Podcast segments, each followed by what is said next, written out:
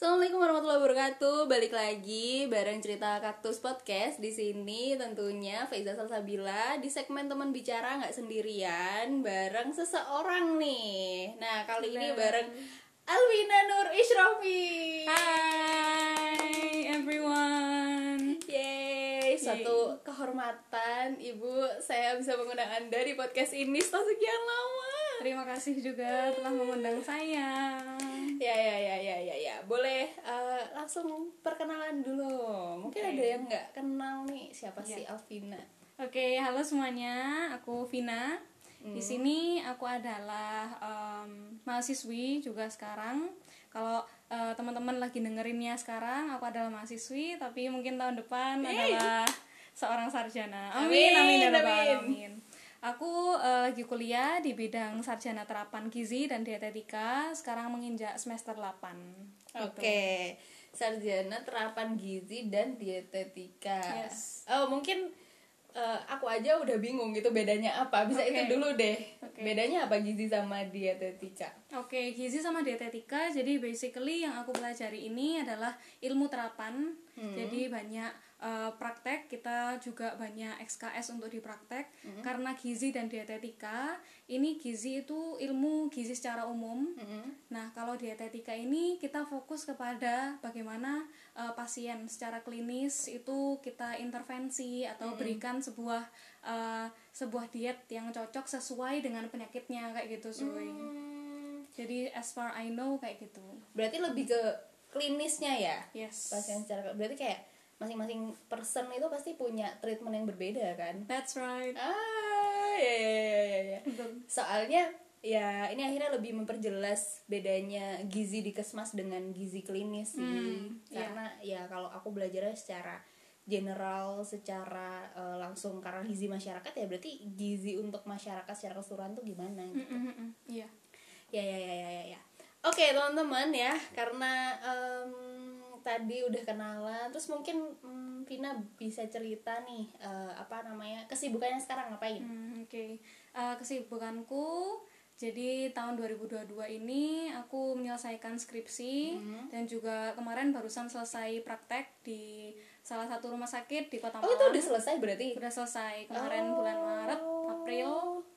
Terus sekarang aku continue ke skripsi dan juga tetap em, beraktivitas lain. Kayak aku aktivitas fasilitator di PMR, salah satu PMR di SMA Kota Malang, Men 2 Kota Malang. Sekolah kita. spoil spoil. Iya iya iya iya. Ya sebagai alumni saya turut berbangga Anda mengabdi untuk sekolah kita ya. Jadi teman-teman kalau misalnya ada alumni Man 2 mau ketemu Vina, udahlah ketemu di PMR aja dia bisa dicari di PMR ya. Oke. Oke. Good idea. Iya benar-benar. Jadi kayak reuni Vina cari fasilitator PMR. Oke. em, tadi tentang ini ya abis PKL udah selesai ya mungkin nanti podcast sendiri ya tentang gimana cerita PKL seorang eh, mahasiswa gizi di eh, rumah sakit gitu. karena sebelumnya aku sempat ada podcast tentang magang di dinkes pasti tentunya berbeda antara dinas kesehatan dengan rumah sakit. Hmm, wow. Oke, eh, jadi kita masih bahas yang lain dulu, bukan yang PKL itu tadi, tapi tentang keresahan beberapa orang akhir-akhir ini nih, gitu ya. Atau mungkin aku kali ya. Bisa. jadi biar untuk mencari pencerahan nih dari anak gizinya sendiri. Eh, tentang kan habis pandemi kemarin kita banyak di rumah jadi secara aktivitas fisik atau aktivitas di luar ruangan itu berkurang terus habis itu juga em, akhirnya kalau aku sering mendengar gitu kayak wah kok makin sejahtera gitu kan. Ya kalau tidak dibilang makin gendut ya. Nah kayak gitu. Yang awalnya tuh aku sebenarnya fan-fan aja gitu kayak oh, aku ya aku akan tetap mencintai diriku sebagaimana apa adanya gitu. Tapi karena semakin banyak orang yang komen kayak gitu kayak aku jadi akhirnya Oke. capek juga dan kayak oh, kayaknya aku perlu untuk memperhatikan juga deh gitu. Nah eh, apalagi misalnya kemarin habis puasa tapi terus habis itu lebaran ya seperti biasa kita lebaran pasti makannya nggak teratur kayak setiap ke rumah orang ditawarin. Ya itu sebenarnya Banyak tepung ya. gula aduh udahlah kayak gitulah gitu kan. Apalagi opor lala kayak gitu gitu berkali-kali. Jadi uh, pasti otomatis berat badan nggak kekontrol gitu. Nah jadi kalau misalnya menurut Vina sendiri nih gimana sih tips and triknya kita tuh uh, menjaga makan kita, menjaga berat badan kita gitu. Apalagi kalau buat cewek kan penting banget gitu. Oke. Okay. Jadi sebelum kita berangkat ke tips and tricks ya, hmm. aku nanggepin jadi ceritanya Salsu ini banget bener-bener hmm. relate sih. Hmm. Jadi mulai kita berangkat awal dari kehidupan pasca pandemi, ketika hmm. pandemi itu sendiri, kita mulai meresah kan beberapa hal terkait makan aktivitas kita pasti banyak yang jauh berbeda dengan sebelum uh, pandemi ya nah jadi singkat cerita mungkin body image itu sangat-sangat uh, kita resahkan it also happens to me mm. karena ini adalah uh, sebuah tumpukan dari hal-hal yang kita lakukan setiap hari. Hmm. Kayak aktivitas kita dari jam 7 pagi misalnya sampai malam itu pasti kita berkaitan erat dengan makanan hmm. dan aktivitas juga. Hmm. Nah, jadi di sini tips and trick yang bisa aku berikan pasti kita berangkat dari literasi gizi. Hmm. Jadi uh, kita for you all teman-teman podcast yang mendengarkan sekarang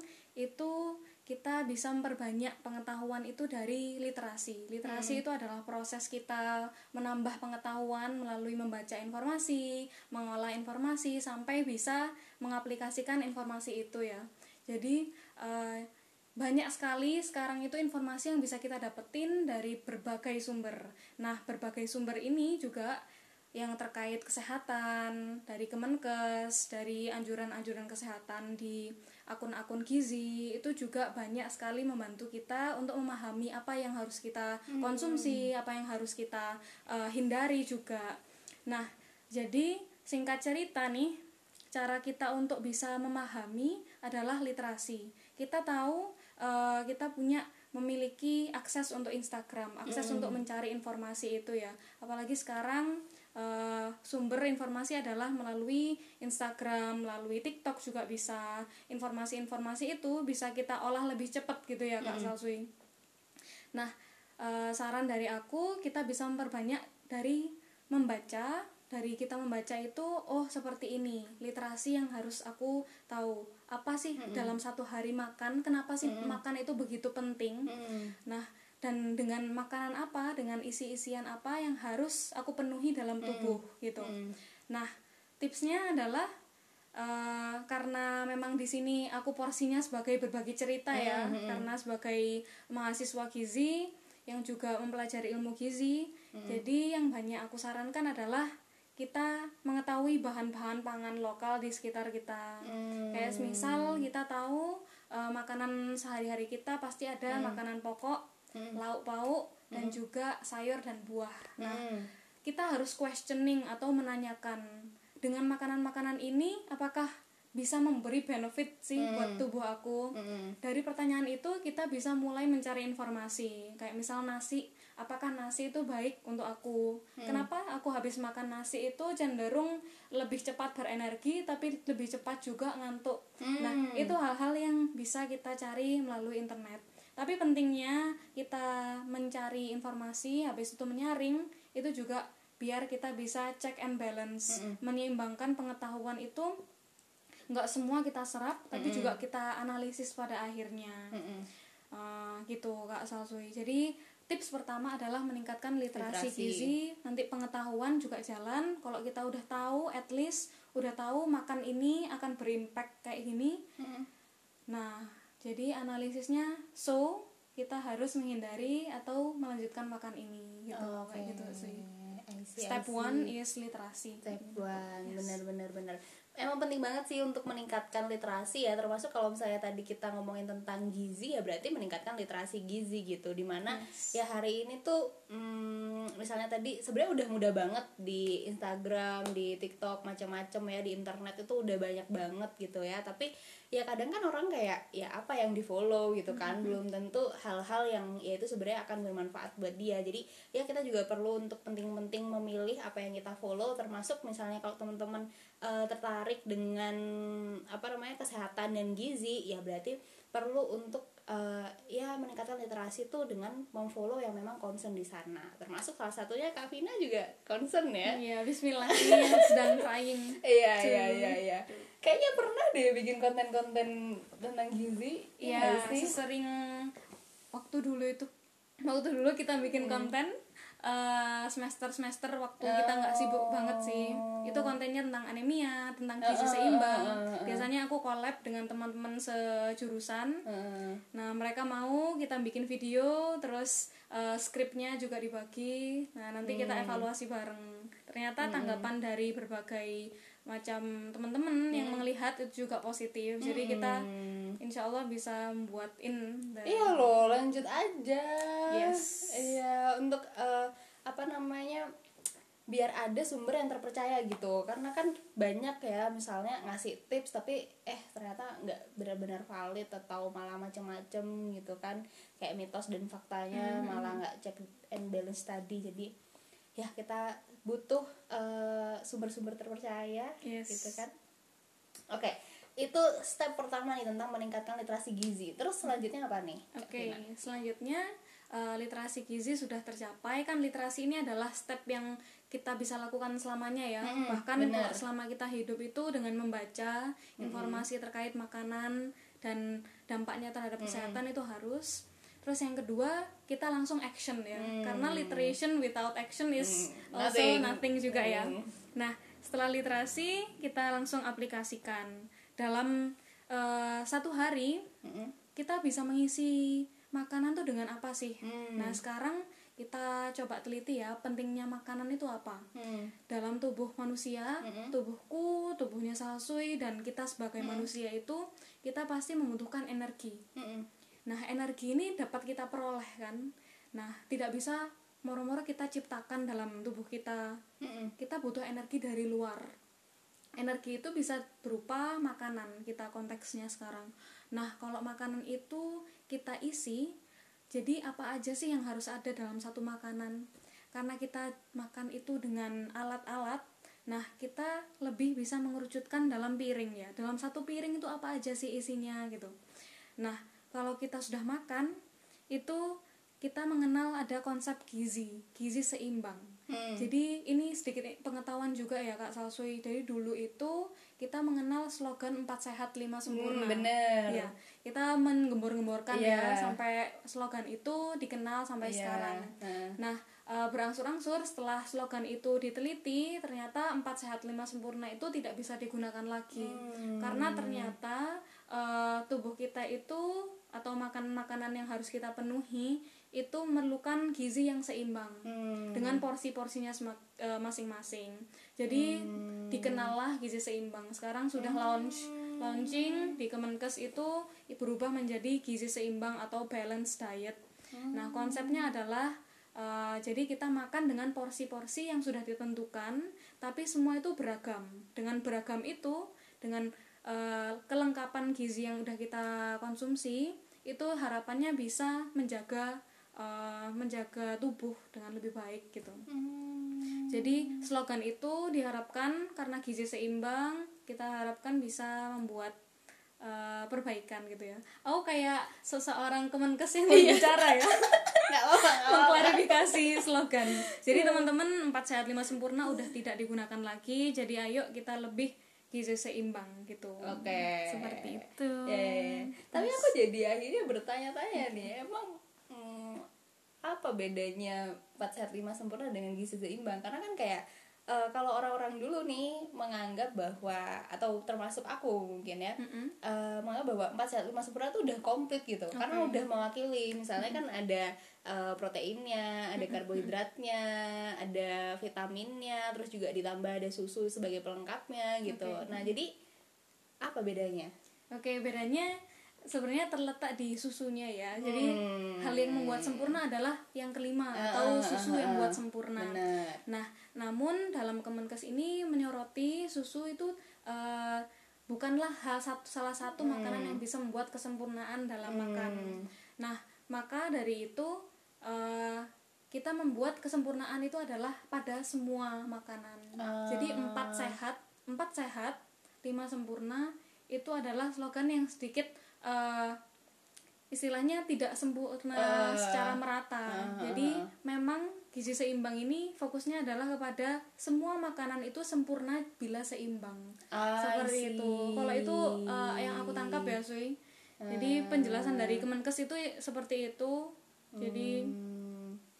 benar benar benar Yes. soalnya karena kayak misalnya gini ya tadi empat sehat lima sempurna dan yang kelima itu adalah susu gitu apakah akhirnya kalau nggak ada susu jadi nggak sempurna kan Nah, jadi kayak gitu kan exactly, ya exactly. ya ya ya ya ya ya benar benar masuk masuk akal masuk akal Oke. gitu kan apalagi misalnya kayak eh, sebenarnya misalnya oh susu itu sebenarnya yang dicari kalsiumnya misalnya atau em, apa lagi ya di susu Vitamin oh iya D, vitamin ya, D-nya itu gitu kan. Mm, nah vitamin padahal sebenarnya itu bisa didapat dari yang nggak cuma dari susu aja gitu Yes. kan.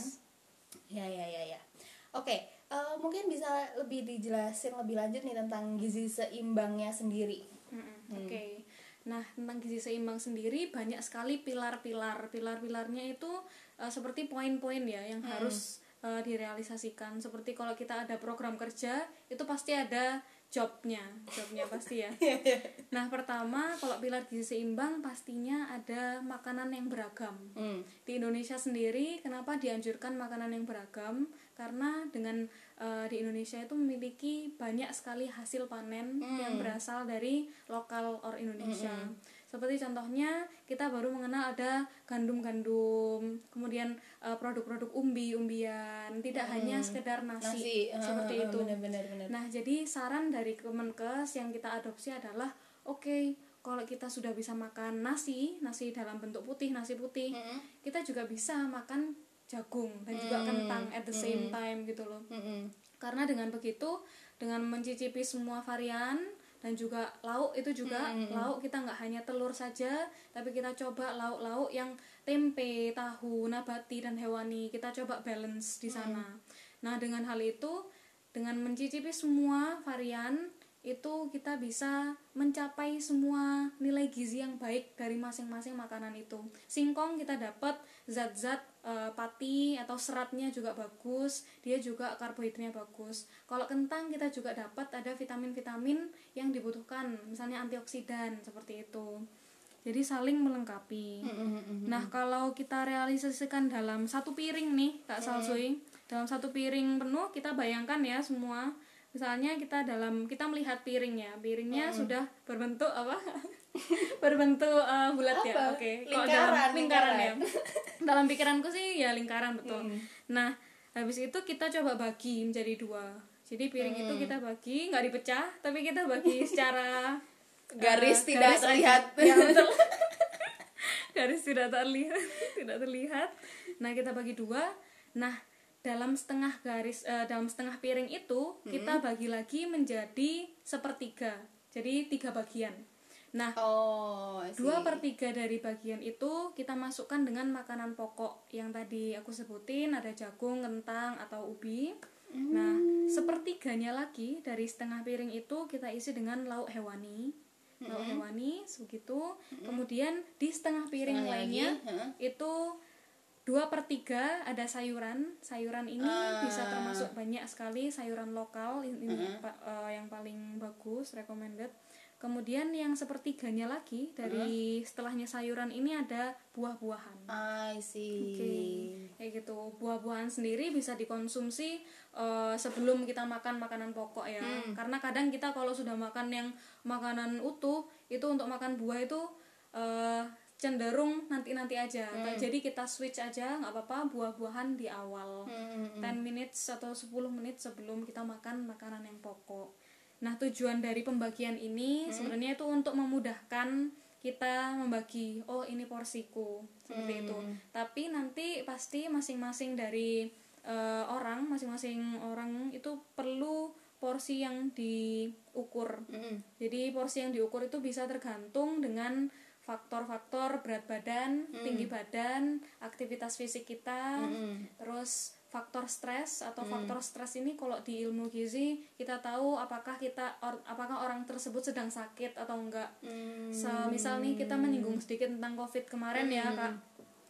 Jadi sempat waktu covid eh, asupan yang perlu dibutuhkan adalah tinggi energi dan juga tinggi protein. oh Nah, jadi isi piringku ini bisa diperbanyak jumlahnya jika kita ada dalam keadaan khusus seperti infeksi, infeksi COVID, kita memerlukan banyak energi dan juga protein untuk uh, proses recovery kayak gitu. Nah, jadi pada kondisi-kondisi tertentu itu bisa banget ditambahkan. Ya, jadi uh, standar ini kita buat untuk memudahkan, tapi isi piringku ini juga bisa kita tambahkan karena kondisi-kondisi sakit atau mungkin pasca melahirkan itu pasti ibu-ibu yang pasca melahirkan membutuhkan banyak asupan-asupan. Nah, karena belakangan ini juga ada hepatitis ya, hepatitis juga kita juga penting memperhatikan isi piringku dan juga kesehatan piringku. Jadi alat piring itu uh, kita punya sendiri. Sendiri. Hmm. Jadi hal-hal seperti itu kita lebih concern ya, karena banyak sekali um, penyakit-penyakit atau yang bisa bersumber dari makanan. Jadi alangkah lebih baiknya kita tetap makan tapi juga menjaga sanitasi dari makan itu, Benar, hygiene benar, sanitasi. benar. Oh, berarti yang tadi ting- tinggi energi itu berarti si karbohidratnya yang ditambah. Yes, Oh, gitu. sumber-sumber makanan pokok. Hmm, hmm, hmm, hmm. Tapi gimana dong caranya kita menyesuaikan itu gitu? Misalnya kayak oh eh, aku berat badannya segini, tinggi badan segini atau fisik segini, stresnya segini dengan kayak akhirnya oh berarti makanku segini nih gitu. Mm-mm-mm.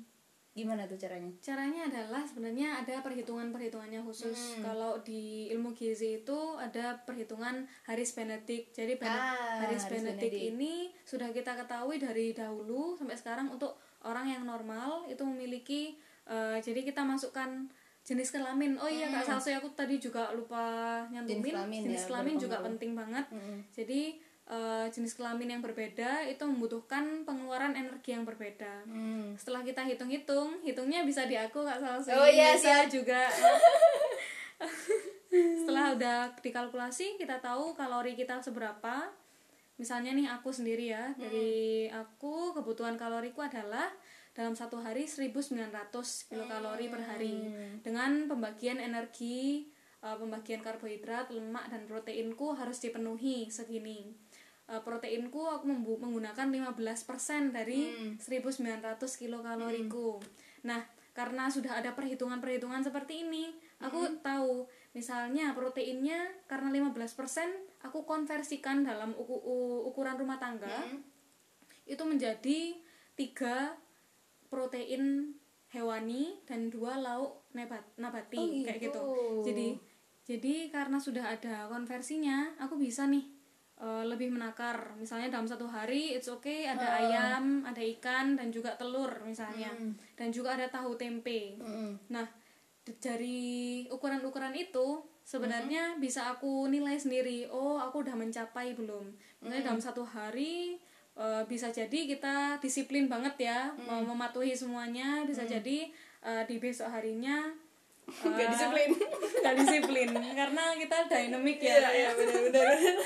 Nah, di situlah eh, dari meal plan meal plan itu kita bisa tahu oh aku patuh nggak ya sama kebutuhanku sendiri karena kalau nggak patuh eh, nggak sesuai dengan energi yang aku penuhi bisa jadi cadangan-cadangan protein atau cadangan yang bisa membuat tubuhku bekerja dengan baik itu tidak berfungsi maksimal kalau belum tercapai. Jadi aku nariknya ke situ. Tapi it's it's okay. We are still learning ya. Hmm. Oh ya ya, sebenarnya ada sih. Aku belajar itu juga sih di Nah, Kesmas itu ya, Haris Kak Benedict tuh jadi kayak nggak nggak terlalu unfamiliar gitu. Tapi persoalannya adalah pada saat itu aku kayak udah langsung apa sih ini gizi? Kenapa ada hitung-hitungannya? Iya, isi, iya. karena kayak masuk kesmas itu oh iya berarti nanti hitung-hitungannya dikit gitu. Eh ketemu dan lumayan menurutku tuh lumayan aduh harus detail dan lain sebagainya. Apalagi kan masing-masing case itu beda-beda kan. Kayak misalnya tadi aktivitas ringan aktivitas berat itu tuh kan akan mempengaruhi dan lain sebagainya gitu. Jadi harus detail itu kayak Wah, aku perlu effort yang banyak. Sehingga pada saat itu aku tidak terlalu memperhatikan. oke nah, jadi misalnya nih kalau case-nya adalah orang-orang sepertiku gitu kan. Gimana ya caranya biar gampang gitu? Maksudnya nggak nggak ribet-ribet kayak gitu gitu, nggak harus dihitung dulu gitu. Oh, oke. Biar taunya gitu kurang lebih. Iya, jadi eh, memang kalau untuk mengetahui pasnya enggaknya Hmm. itu ada uh, yang lebih umum kita tahu di Kemenkes itu mengeluarkan angka kebutuhan gizi atau AKG. Jadi AKG ini sudah di generalize, jadi lebih umum sih.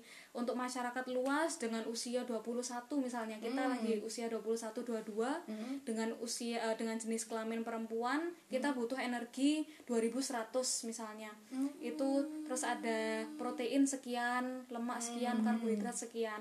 Jadi di Kemenkes itu sebenarnya standar itu sudah ada publikasinya, Mm-hmm. tapi untuk personal, jadi personal diet Mm-hmm. itu berbeda lagi. Kita tetap harus menghitung karena diet setiap orang, setiap masing-masing kita itu memiliki eh, angka yang berbeda karena tergantung banget karena kita itu Mm-hmm. Unik banget ya. Iya, iya. Berat badan aja ngaruh banget ke asupan kita kayak gitu. Mm-mm.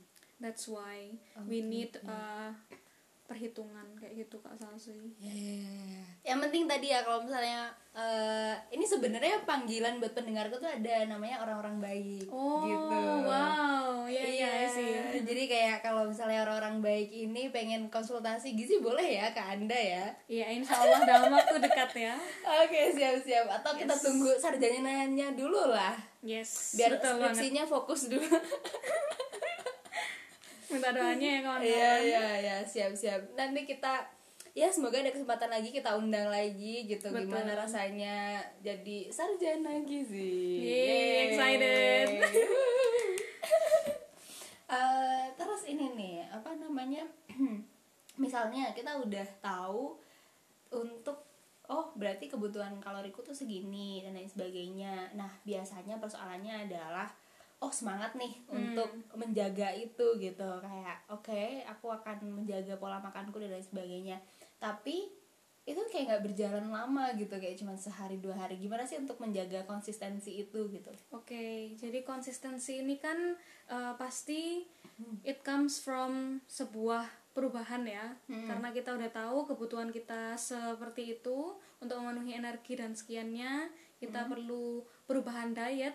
Jadi kita perlu analisis. Jadi kalau dalam gizi itu menganalisis problem dari akar.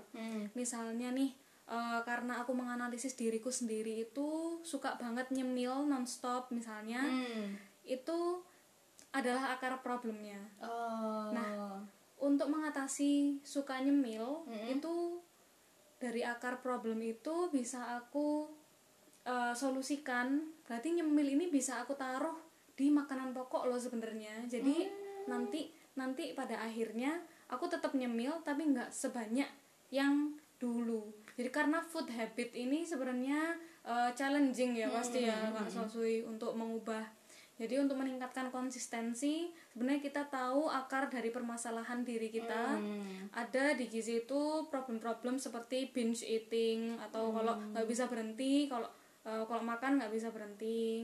Ada lagi kalau setelah makan kita suka memuntahkan gitu ada Oh, pasti problem-problem ini enggak gitu sih ya. anoreksia tuh itu Yes. bukan oh. Uh, jadi uh, permasalahan-permasalahan seperti itu itu baiknya memang kita konsultasikan. Hmm. Jadi bisa nanti nemuin jalan tengah.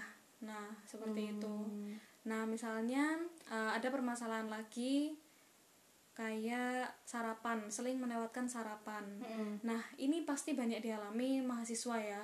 Nah, caranya adalah karena sarapan itu penting juga, kita bisa mengisi uh, sarapan kita walaupun tidak porsinya banyak, kita mengisi dengan yang uh, berbentuk energi yang bisa nanti bisa membuat energi yang cukup untuk tubuh kayak gitu kita mengisi dengan karbohidrat yang sederhana nasi oke kita mengisi seperti itu. Nah setelah tahu problem itu sebenarnya konsisten itu bisa lebih mudah kalau kita sudah mengolah hati untuk makan itu. Hmm. untuk sarapan it's okay aku harus tetap makan karena kebutuhanku adalah seperti ini sarapan penting sarapan penting untuk aku bisa beraktivitas sampai jam 12 maybe. Nah di situlah konsistensi itu berangkat dari steps yang literasi terus juga action itu juga. Nah itu juga bagian dari challenge ya dari aku Sasui untuk bisa tahu akar permasalahan dari uh, orang-orang yang nanti konsultasi ke aku gitu ya. Gimana cara konsisten itu juga tergantung dari masing-masing kita. Ada hari-hari di mana disiplin ada hari-hari di mana enggak tapi usahakan at least uh, setiap hari itu improve karena tubuh kita needs us needs the food more than we think gitu Hmm. probably yes Ya, ya, ya, ya, ya, ya. Terus misalnya tadi kan beberapa kali uh, Kak Vina mention bahwa harus beragam, terus bisa menggunakan uh, makanan-makanan lokal gitu ya. Tapi kayak gak tahu ya, aku juga akhir-akhir ini mulai resah gitu Iya. dengan kayak, kok kayaknya aku makan nasi ayam terus nasi ayam gitu, kayak nggak ada makanan lain gitu. Jadi kayak uh, gimana sih supaya akhirnya ketika makan tuh kita emang ya bervariasi gitu. Oke, makan bervariasi ini kan karena memang kebiasaan makan eh, itu ada gapnya ya, ada gap antara kebiasaan makan kita, kita sudah nyaman dengan makanan itu, Hmm. setelah nyaman kita mau mengkonsumsi yang lain itu terkesan jauh ya. Mm-mm. Padahal kalau kita bisa lihat itu ada hal-hal yang dekat. Misalnya kita bisa beli belanja di Melijo. Melijo-melijo terdekat di rumah kita. Iya. Oke, kita lihat ada kentang. Kita lihat ada ubi, ubi-ubian. Ada suara kucingku ya. Pemirsa, it's okay. Mengeong-ngeong. Nah, jadi eh, bervariasi makan itu kita bisa coba dari supply makanan sendiri. Supply makanan sendiri kita cari di eh, melijo-melijo terdekat. Kalau biasanya di depan rumah itu ada melijo, Mm-mm. itu aku tanyakan apa ada kentang. Nah, kentang biasanya aku olah karena dengan rebus. Setelah direbus, aku mash biasanya Hmm, terus akhirnya dan juga dimakan. Nah, tapi karena kita pasti eh, merasa kurang ya, Iya. karena kita masih ada bayangan-bayangan nasi. Nah, kita coba nasi itu bener-bener kita exclude dari pikiran. eh, Jadi merasa bahwa yang kita makan dari kentang atau substitusi yang lain Hey, itu iya. it's okay. Hmm, eh, kita makan dari substitusi yang kentang, ubi itu kita coba kunyah selama mungkin hmm, gitu. dengan mengunyah atau secara mindful eating. Nah, nanti kita bahas lagi ya mungkin konsep Ah. Iya, mindful iya, eating iya, itu iya, menyadari apa yang kita makan, teksturnya seperti apa. Hmm. Dengan tahu teksturnya itu oh, kentang ini dia halus banget setelah aku halusin, Hmm. setelah aku eh, tumbuk. Nah, gitu misalnya ya. Setelah halus itu kita merasakan setelah kita kunyah it feels more full gitu. Ah, di jadinya lebih kenyang ya Yes, rasanya. yes. entah itu sugesti but it's proven gitu. Ya, it's proven kalau di jurnal-jurnal yang aku baca mindful eating itu bisa meningkatkan kewarasan atau kesadaran terhadap ap- apa yang kita makan. Jadinya terasa penuh terasa cukup sih. Bukan penuh it's enough gitu cukup. Mm. Ah, itu cukup itu yang mahal sih. betul Eh, ya exactly I just realized also sih Karena kayak apa ya? Sekarang tuh orang bukan sekarang sih, emang kayaknya dari dulu ya orang Indonesia tuh kalau belum makan nasi kayak gak makan gitu. Kayak bahkan makan mie aja yang sebenarnya itu udah karbohidrat dia tambah nasi gitu kan. yes ya aku juga gitu sih gitu maksudnya kayak kayak belum makan kalau belum makan nasi. Jadi itu hmm, suatu insight yang baru yang kayaknya itu challenging juga untuk dijalankan betul gitu ya. betul banget. Oke berarti next podcast ya kita bahas mindful eating ini aku baru tahu gitu. Karena kan biasanya kayak mindfulness atau apa kayak gitu be present. Tapi kalau untuk makan ternyata ada ya Iya, teknik-tekniknya. ya ya ya ya. Oke yes. oke. Em, nah, cuman ini nih, Kavina, misalnya tadi ya kayak eh, kentang, umbi-umbian, tapi kayak kadang belum common gitu di tengah-tengah masyarakat kita, kayak akhirnya belum tahu emang kentang dimasak jadi apa terus gitu atau umbi-umbian dimasak jadi apa. Paling banter ya, aku tuh tahu kayak cuman oh ya udah direbus terus dimakan biasa gitu kalau umbi gitu. Kalau kentang paling di ini dijadiin perkedel kayak Iya, gitu-gitu sop gitu juga ya. Mm-mm, Iya. gitu mungkin ada eh, contoh referensi masaknya diapain Oke, eh, sebenarnya ya kentang sama ubi itu kan kita tahu dulu banget sering dikonsumsi sebagai makanan pokok ya. Cuman sekarang bergeser perlahan karena memang eh, bentuk dari nasi itu lebih chewable, lebih pengolahannya lebih cepat. Kita tinggal eh, bisa merebus, bisa menanak nasi gitu ya. Jadi pengolahannya lebih cepat, dia physically lebih eh, atraktif lah ya kalau kita lihat nasi itu. Nah, kalau when it comes to ubi kita bisa memilih ubi yang warnanya pekat. Misalnya ubi ungu. Nggak apa-apa kita makan yang warnanya itu teksturnya pekat. Nah caranya biasanya eh, kalau di keluargaku ya ayah ayah itu suka mengolah dengan cara dikukus. Dengan dikukus dan juga ditambahkan madu. Hmm, jadi ubi ungu itu dikasih Iya, madu ubi ungu dikasih Wow. madu karena singkong juga dikasih madu Hmm. nah dari pengolahan-pengolahan yang bisa kita kasih dengan perisa atau eh, madu Mm-mm. itu rasanya lebih wow ternyata di di perut itu hangat gitu Hmm. di perut tuh hangat dan finally it's good for lambung juga gitu. Mm-mm. Jadi pengolahanku memang sederhana nggak yang sampai eh, aku buat sebagai cookies atau yang lain tapi aku prosesnya satu kali yaitu perebusan. Setelah itu setelah direbus setelah dia halus kita tambahkan dengan madu. Kita tuangkan madu kayak gitu. Karena eh, ini fun fact juga ya semakin lama pro pemrosesan semakin pemrosesan tuh lama itu semakin zat gizinya juga bisa terkurangi jadi one process is maybe enough gitu Oh, rebusan ya, ya, ya, oke ya. daripada nanti kita olah menjadi tepung misalnya itu membutuhkan proses yang lama dan juga pasti ada zat-zat gizi yang terkurangi gitu Terkurangi. ya. Iya sekarang ini sih sekarang kayak sering banget kampanye di berbagai kanal gitu ya less is more. Yes Nah jadi kayak kalau aku taunya dari skincare sih kayak semakin sedikit kita pakai skincare maksudnya ya udah cuman basic basicnya aja tapi itu sebenarnya udah cukup gitu. yes Nah, dimakan juga kayak gitu ya sebenarnya. Oke, kalau tadi tentang karbohidratnya. Nah, sekarang pengen ke lauknya nih. Kayak kalau misalnya eh, tadi kan misalnya case-nya adalah aku nasi ayam nasi ayam gitu. Jadi kayak nggak punya referensi yang lain dan akhirnya tuh kayak jadi kebiasaan gitu kayak kalau misalnya orang tua aku lagi masak yang macem-macem, aku kayak aduh kayak nggak pengen makan itu gitu. Nah, jadi kayak akhirnya eh, itu yang menjadi habits dan kayaknya adikku juga ada yang kayak gitu gitu. Jadi Oke. kayak malah pilih-pilih makanan gitu. Nah gimana sih untuk mengatasi itu gitu biar nggak pilih-pilih makanan?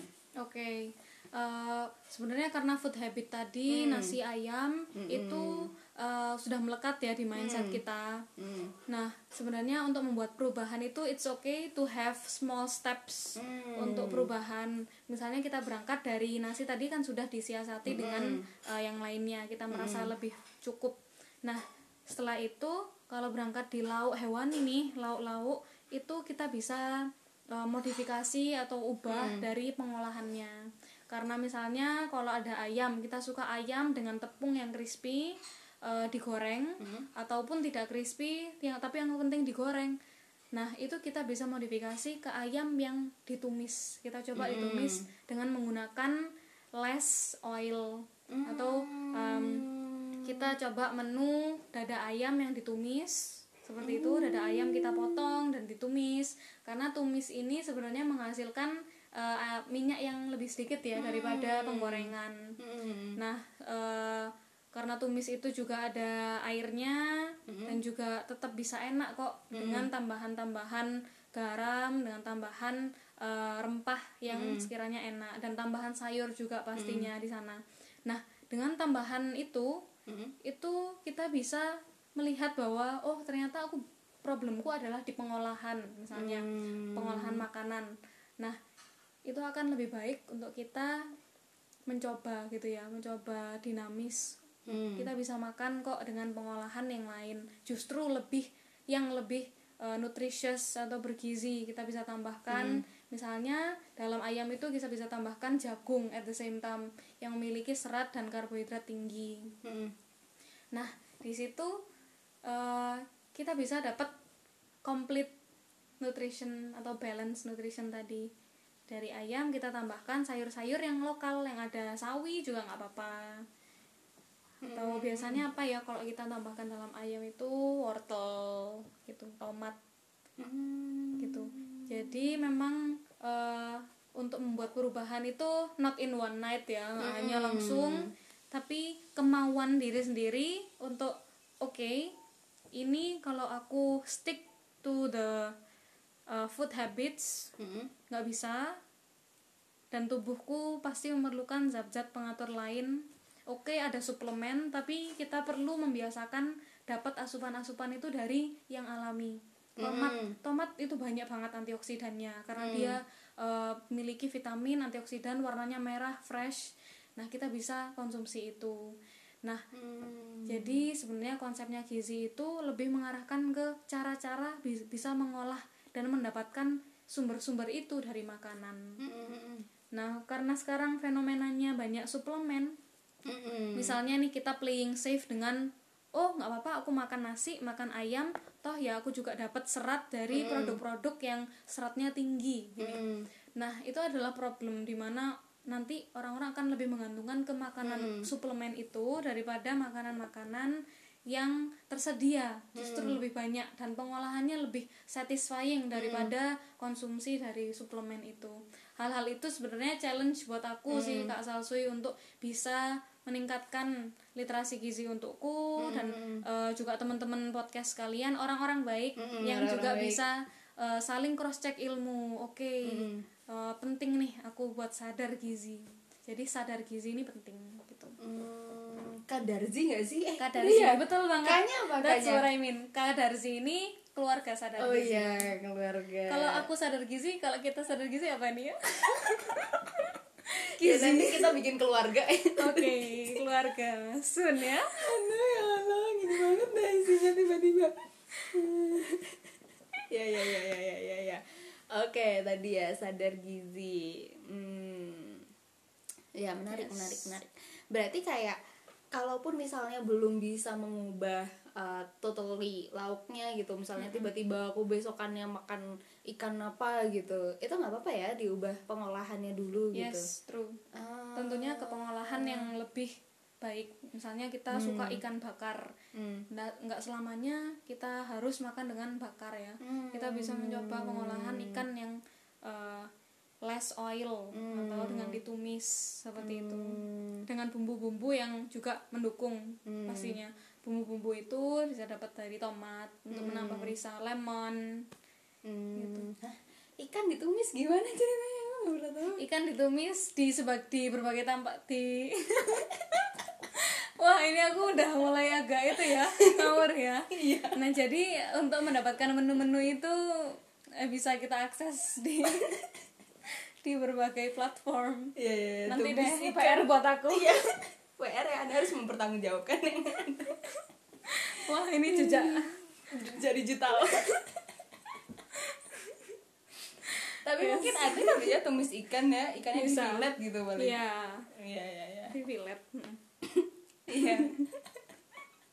Atau kamu masak dulu deh tumis ikan. Iya, kayaknya harus aku yang mau nge-proof dulu kan Iya. ya. Kalau nggak gitu orang-orang akan trust issue ke aku. tapi tapi aku suka deh misalnya kamu bikin story gitu ya tentang kayak eh, lagi makan apa gitu tapi ada kayak semacam informasi gizinya karena kayak jarang banget orang-orang yang seperti itu gitu karena kan kadang kita kayak cuman ya udah nge storyin makanannya apa gitu ya misalnya di restoran mana Oke. gitu kan tapi kayak lebih ke show off malahan bukan kayak memberikan edukasi bahwa oh kita tuh makan tuh harus gizi seimbang jadi ya tolong dilanjutkan ya hal-hal seperti itu gitu karena Thank you, will do. karena itu eh, penting sih sebenarnya Oke, gitu ha-ha. supaya kayak eh, karena itu hal sederhana ya misalnya Yes. kayak nasi sayur tahu tempe gitu nggak semuanya orang ketika dia makan nasi sayur tahu tempe di pos gitu Hmm. kan. Kayak dia bakal ngepost cuman di hal-hal eh, momen spesialnya doang misalnya True, gitu. true. nah padahal yang kita butuhkan tuh malah di itu tadi di emang makanan sehari-hari yang sehat yang seimbang tuh yang kayak gimana gitu kan. Bukan Yes. yang kayak ketika di restoran kita makan apa gitu. Ya ya ya ya. Oke oke. Nah terus mumpung nih mumpung kita ketemu dan mumpung ngomongin tentang makanan dan gizi aku tuh sebenarnya kayak penasaran eh, tentang kan kayak misalnya tadi kita ngomongin diet gitu ya itu mm, sebenarnya arti diet sendiri itu apa sih gitu? Karena kayak kalau di kesehatan sepahamku ya akhirnya aku punya punya mindset bahwa diet itu sebenarnya pola makan gitu.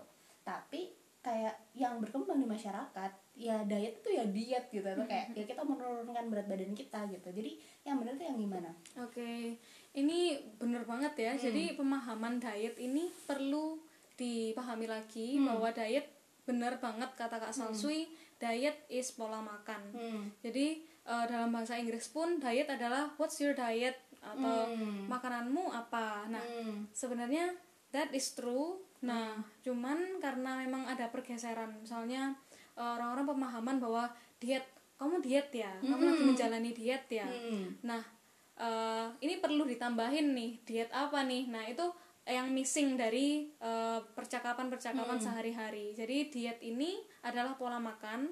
Kalau teman-teman mau membahasakan diet adalah penurunan berat badan itu bisa ditambahkan.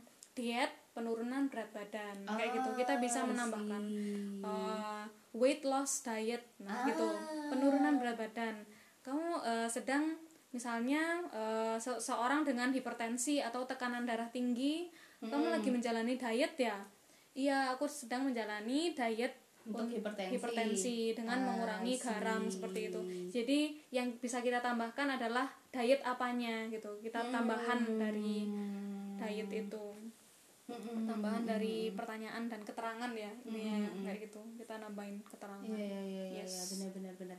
Jadi kayak padahal kan kalau misalnya cuman di eh, kerucutkan cuman oh eh, diet itu buat penurunan berat badan doang. Padahal ada juga diet yang untuk menambah berat badan Yes. gitu kan gimana sih caranya untuk menambah berat badan dan lain sebagainya. Ya ya, ya benar benar benar.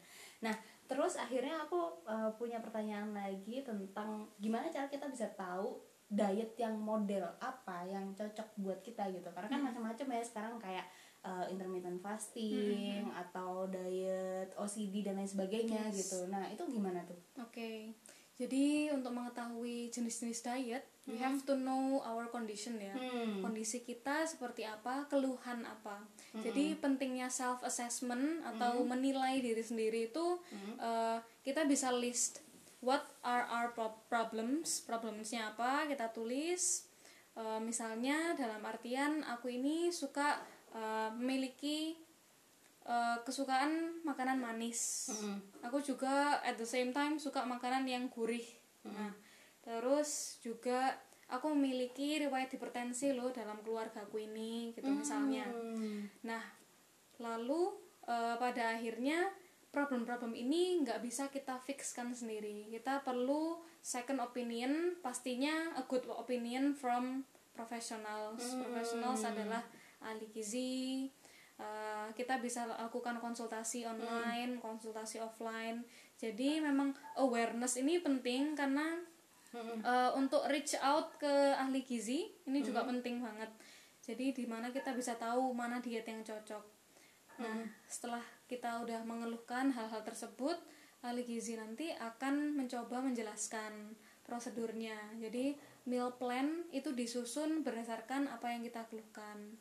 Eh, semisal karena menyukai menyukai makanan-makanan yang manis itu ahli gizi akan merekomendasikan jika kita makan manis terlalu berlebihan pada jangka waktu yang lama itu nanti bisa menjadikan eh, kita resisten terhadap insulin atau nanti bahasanya bahasanya lebih sederhana atau bisa eh, terlalu banyak gula dalam darah kita. Jadinya adalah eh, darahnya manis. Nah kayak gitu kita beri pemahaman kepada orang-orang. Nah, dengan begitu kita tahu hal-hal yang harus dihindari. Kalau konteksnya yang Kak Salsu tanyakan adalah intermittent fasting, intermittent, nah itu kita sesuaikan dengan berat badan dan juga kebiasaan makan. Karena sulit untuk kita langsung bilang kamu cocok deh pakai intermittent fasting atau paleo diet. Kalau dalam diet eh, diet penurunan berat badan tuh beragam ya, ada vegan, vegan diet dan lain sebagainya. Itu kita tidak bisa langsung claiming dia itu cocok itu.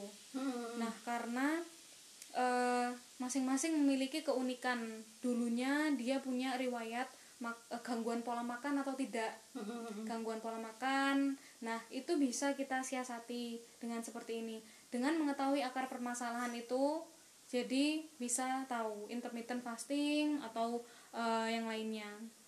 Nah, hal yang perlu kita highlight ya dari sebuah penjalanan diet penurunan berat badan ini itu adalah diet ini tidak akan selalu kita konsumsi kan karena pasti akan ada banyak efek-efek samping dan juga uh, kalau kita jalankan terus pen penurunan berat badan ini akan semakin uh, ada zat-zat yang kurang dari tubuh kayak gitu. hmm. gitu. Jadi ini sebuah challenge ya, challenge juga buat ahli gizi, buat para yang mau berkonsultasi untuk saling open terhadap permasalahannya.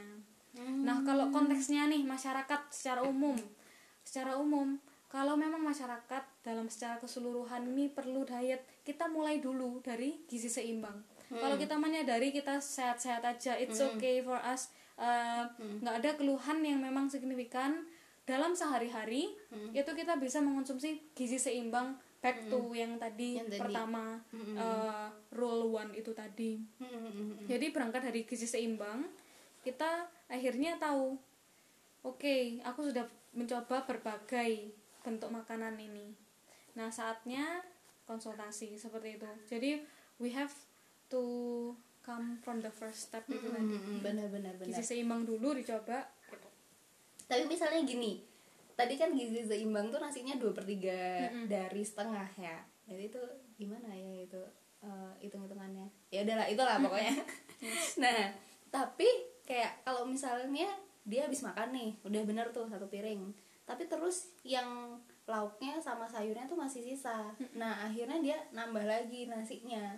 Jadi kan berarti nggak dua per tiga tuh gimana tuh? Oh, oke. Okay. kalau konteksnya nambah nasi ya nasi itu ukurannya bisa centong. Kita hmm. bisa lebih sederhanakan berapa centong. Nah hmm. kalau dua per tiga ini karena kebutuhan misalnya kebutuhan kita kebutuhanku sebagai uh, perempuan dengan usia sekian hmm. itu aku membutuhkan satu setengah centong rice cooker hmm. kayak gitu nah kalau misalnya aku tambahkan lagi berarti dia asupan karbohidratnya nih hmm. yang tambah hmm. kalau lauknya tetap dikonsumsi berarti lauknya tetap dia sesuai porsi hmm. tapi yang tidak sesuai porsi adalah nasinya hmm. tadi hmm. nah ini menjadikan tambahan karbohidrat ya tambahan hmm. karbohidrat hmm. untuk dia nah itulah yang bisa menjadikan cadangan jadi setelah makanan terolah dalam tubuh hmm. itu dia akan diproses menjadi sebuah cadangan hmm. cadangan energi bisa untuk organ bisa hmm. dikeluarkan hmm. berapa persen dikeluarkan beberapa persen diserap dan beberapa persen juga di uh, dibuang hmm. dibuang melalui uh, hmm. feses hmm. nah seperti itu nah karena yang kita keluarkan itu juga banyak misalnya uh, aktivitasnya banyak jadi nasi itu yang sudah terolah akan dikeluarkan dengan banyak hmm. kalau misalnya setelah kita makan uh, aktivitas kita nggak sebanding dengan apa yang kita makan hmm. nah itulah yang bisa menjadikan uh, tumpukan atau cadangan kalau cadangannya berlebih dalam waktu yang lama akan menambah berat badan seperti itu oh prosesnya mungkin itu seperti itu ya kak Salwi ceritanya hmm, ya, ceritanya ya, ya, ya, ya, ya. karena yes. ada uh, konsumsi yang berlebihan yes. ya ya ya ya oke okay, oke okay uh, mungkin ada kalimat-kalimat terakhir atau pesan-pesan dari Kalvina sebagai mahasiswa gizi yang tadi udah ngasih banyak banget ya ilmunya ke kita buat orang-orang baik tentang gizi seimbang atau tentang diet tadi atau tentang apa pun deh. Oke. Okay. Hmm. Nah, um, sedikit hmm. uh, dari aku di sini posisiku adalah untuk sharing ya sepertinya hmm. dengan Kak Solsui uh, kebetulan aku juga mengampu ilmu gizi dan hmm. dietetika hmm. nah uh, ini sharing ini bisa bermanfaat dan uh, feedback feedback tentunya itu sangat berarti mm. buat kita. Mm. Kemudian pesan dari aku tadi tingkatkan literasi gizi untuk mm. aku, kamu dan semua orang-orang baik di sini. Uh, cara untuk meningkatkan literasi gizi adalah membaca, membiasakan membaca dan mengapa sih membaca informasi gizi itu penting? Hmm. Karena e, dengan tahu informasi gizi itu kita tahu apa yang bisa kita masukkan dalam tubuh dan apa yang bisa yang bisa kita hindari hmm. seperti itu jadi nanti prosesnya kita bisa menganalisa yes or no do's and don'ts hmm. gitu hmm. setelah itu yang kedua kita keep update tentang gizi seimbang memenuhi porsi kita coba dulu karena gizi seimbang ini juga bagus untuk mempertahankan imun kita jalankan dulu begitu nanti mungkin ada keluhan dan yang lain kita bisa langsung melakukan proses konsultasi hmm. gitu jadi uh, kita berangkat dari literasi aksi yang baik dan juga uh, konsistensi. Ngos, literasi, aksi dan konsistensi. Oh, Kak Vina Golden Ways ini. Golden ways, silver and golden ways. Aduh. Siap. Iya iya iya buat eh, orang-orang baik yang mungkin rada aneh ya aku dipanggil Kak Salsui karena ya kita kenalnya sejak MTS. Eh, oh iya benar-benar. Kenalnya sejak MTS Yes. dan ya waktu itu aku dipanggilnya Salsui. Jadi ya seperti inilah jadinya Yes, ya. betul Oke. banget. Wow. Ya, karena sudah eh, menuju batas maksimal nih ya dari podcast ini Em, dan udah ditutup juga dengan kalimat-kalimat penutup tadi yang golden ways tadi ya Em, literasi, aksi dan konsistensi.